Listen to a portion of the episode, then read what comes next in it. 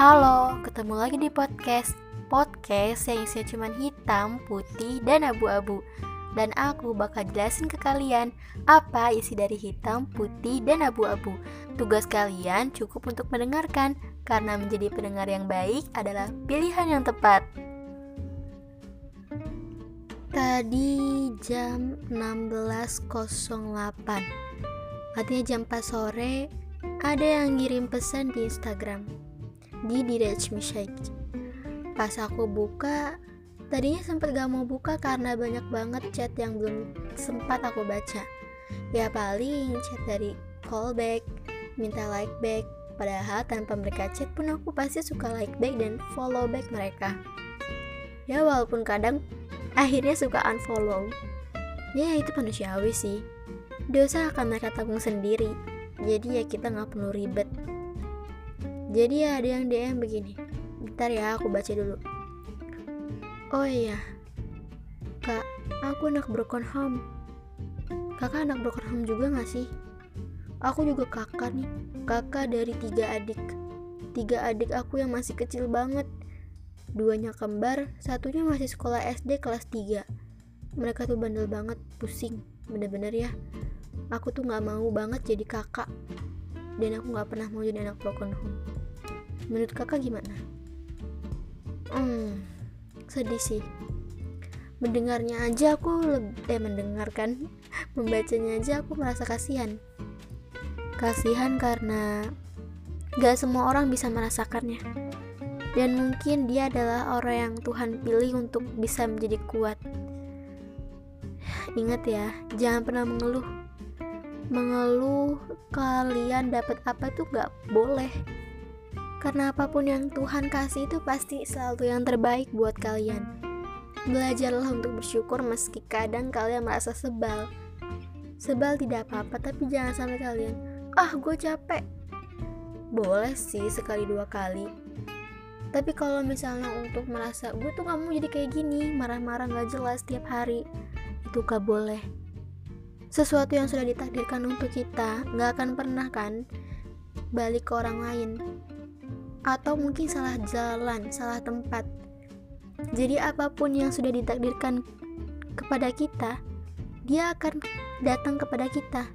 Nggak mungkin salah alamat. Misalkan jodoh takdir kematian dan lainnya. Jadi nggak akan pernah tuh salah tempat.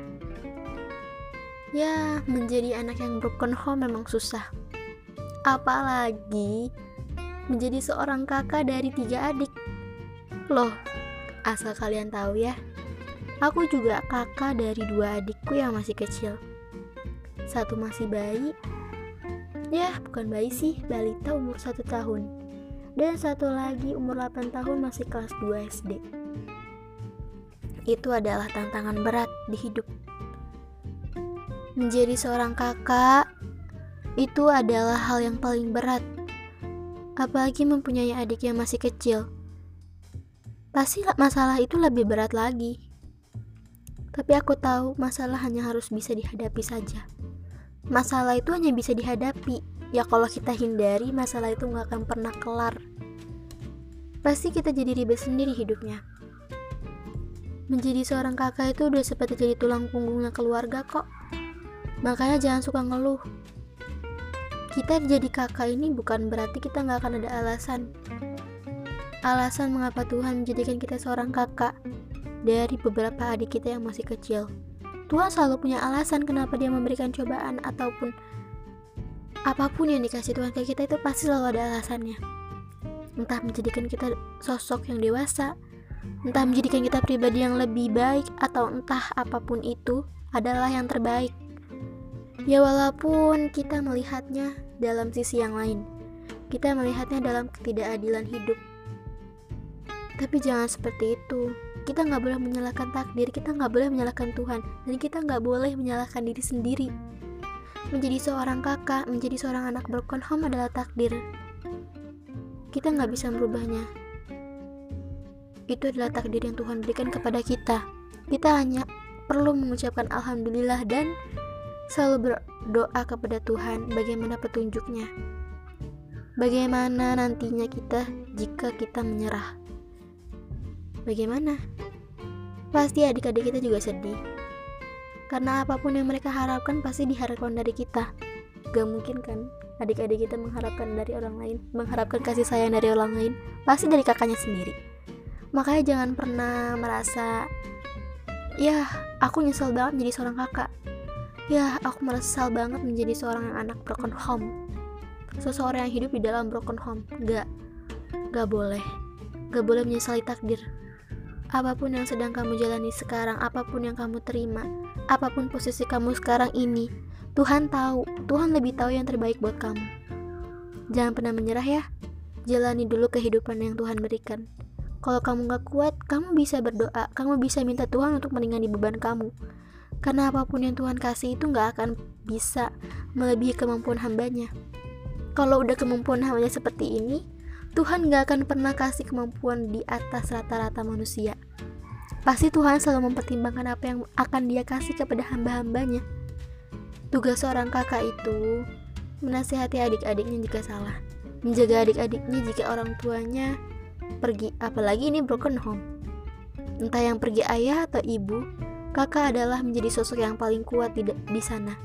Jadi kalau kalian menjadi kakak, jangan terlihat lemah di depan adik-adik kalian Jangan terlihat kalau kalian tidak berguna.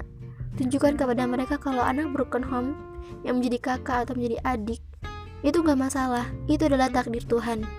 Kita cuman bisa melewatinya dan berdoa kepada Tuhan semoga semuanya baik-baik saja. Tuhan pasti akan mengabulkan karena apa pun yang Tuhan berikan pasti yang terbaik untuk kita. Justru yang terbaik, justru yang kata kita baik bukan berarti baik untuk kita.